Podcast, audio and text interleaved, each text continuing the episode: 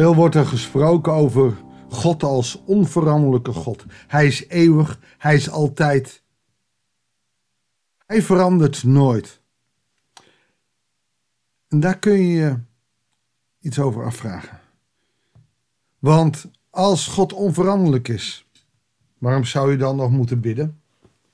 Als God onveranderlijk is, waarom kan Mozes hem dan verbidden?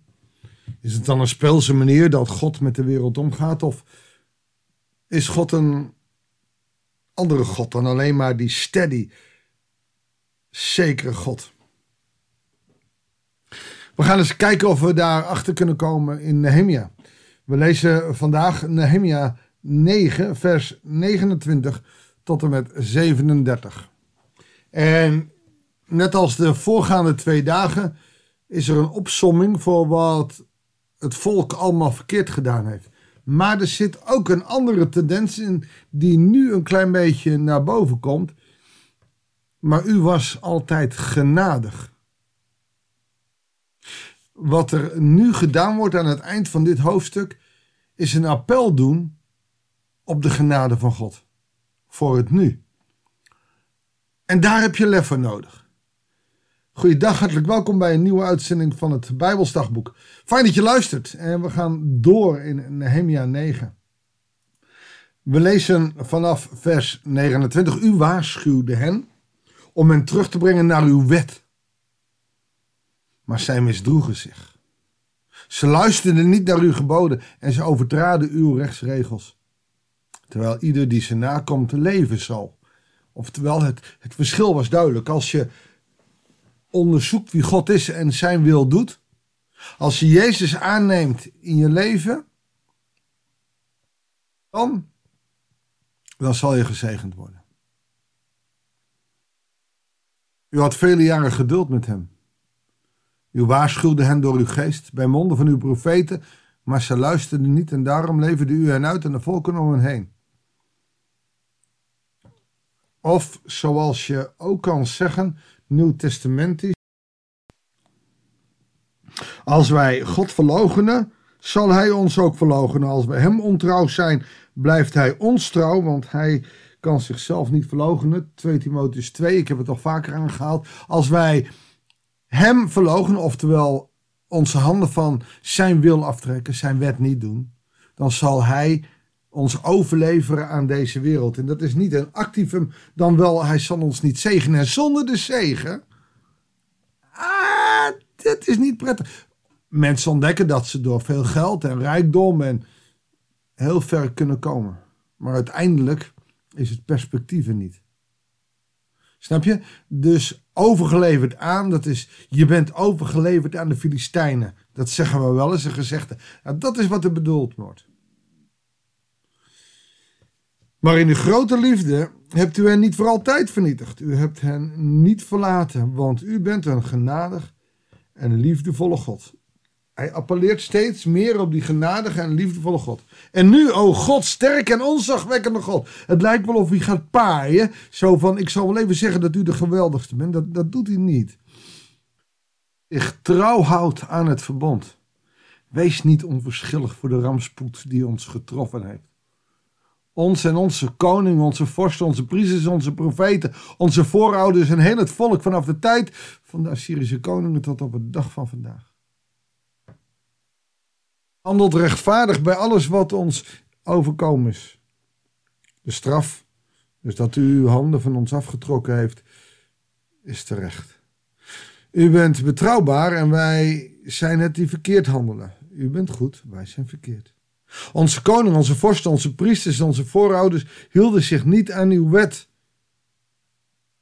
Wij zouden kunnen zeggen aan uw evangelie. Ze sloegen geen acht op de geboden en voorschriften die u hun hebt gegeven. Ze hadden hun eigen koninkrijk. Daar heb je de ego. Ik, ik, ik, ik, ook wij hebben allemaal ons eigen koninkrijk. Onze eigen ik is belangrijker dan dat van God. Ook al zeggen we met vrome liederen: alles, alles wat God heeft gegeven is van Hem en wij zijn van Hem. Maar ondertussen zijn we onze eigen baas. grote goedheid door u aan hen gegeven, maar in dat ruime en vruchtbare land, het land dat u hen had gegeven, u hebt, hebben ze u niet gediend. Hun wangedrag hebben ze niet opgegeven.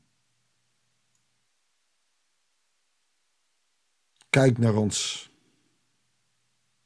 Nu zijn we slaven. In het land dat u onze voorouders hebt gegeven. Om er te eten van de vruchten en van al het goede dat het opbrengt. In het land zijn wij slaven. Omdat wij gezondigd hebben, valt alle rijke oogst toe aan de koningen die u over ons hebt aangesteld, die over ons lichaam regeren en die met ons vee doen wat ze willen.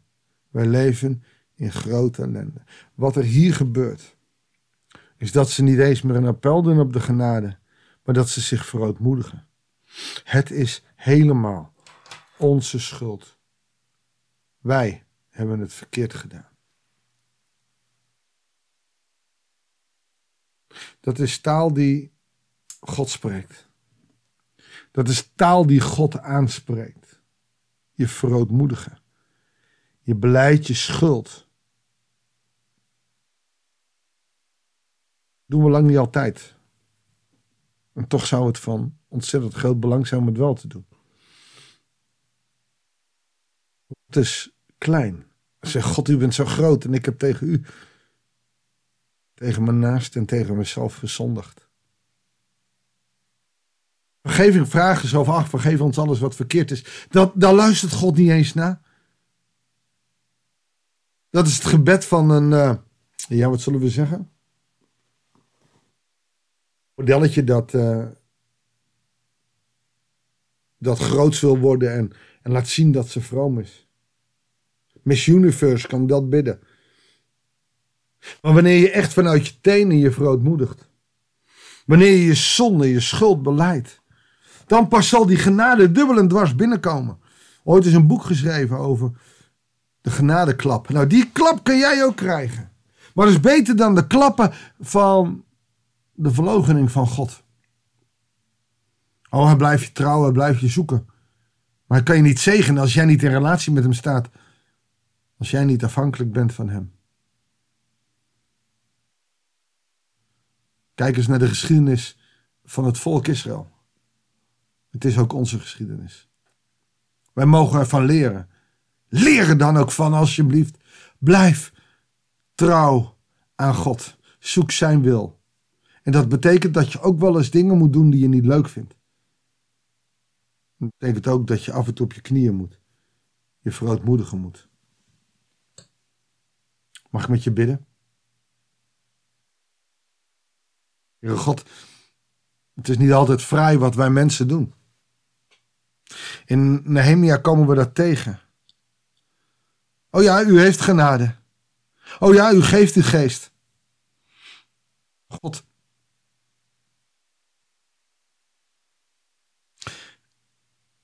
Zo weinig merken we ervan. En we komen er nu achter dat het komt omdat wij zo weinig van ons aan u laten merken. We, ik stotter ervan, we willen ons verootmoedigen. Heer, het feit dat we zo weinig van u merken, heeft met ons te maken. Wij laten te weinig van ons leven aan u zien. Wij dienen mammon en wij dienen onszelf. Wij bouwen onze eigen koninkrijkjes. Heer, vergeef ons.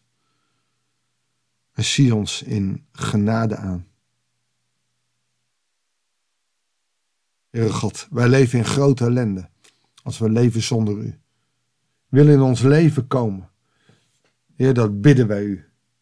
In Jezus' naam. Amen. Dankjewel voor het luisteren. Ik wens je God zegen. Zoek hem. Hij laat zich echt wel vinden. En ook als je het nodige gedaan hebt. Zijn genade en vergeving is groter dan jouw zonde ooit kunnen zijn. Heb een goede dag en heel graag tot de volgende uitzending van het Bijbels Dagboek.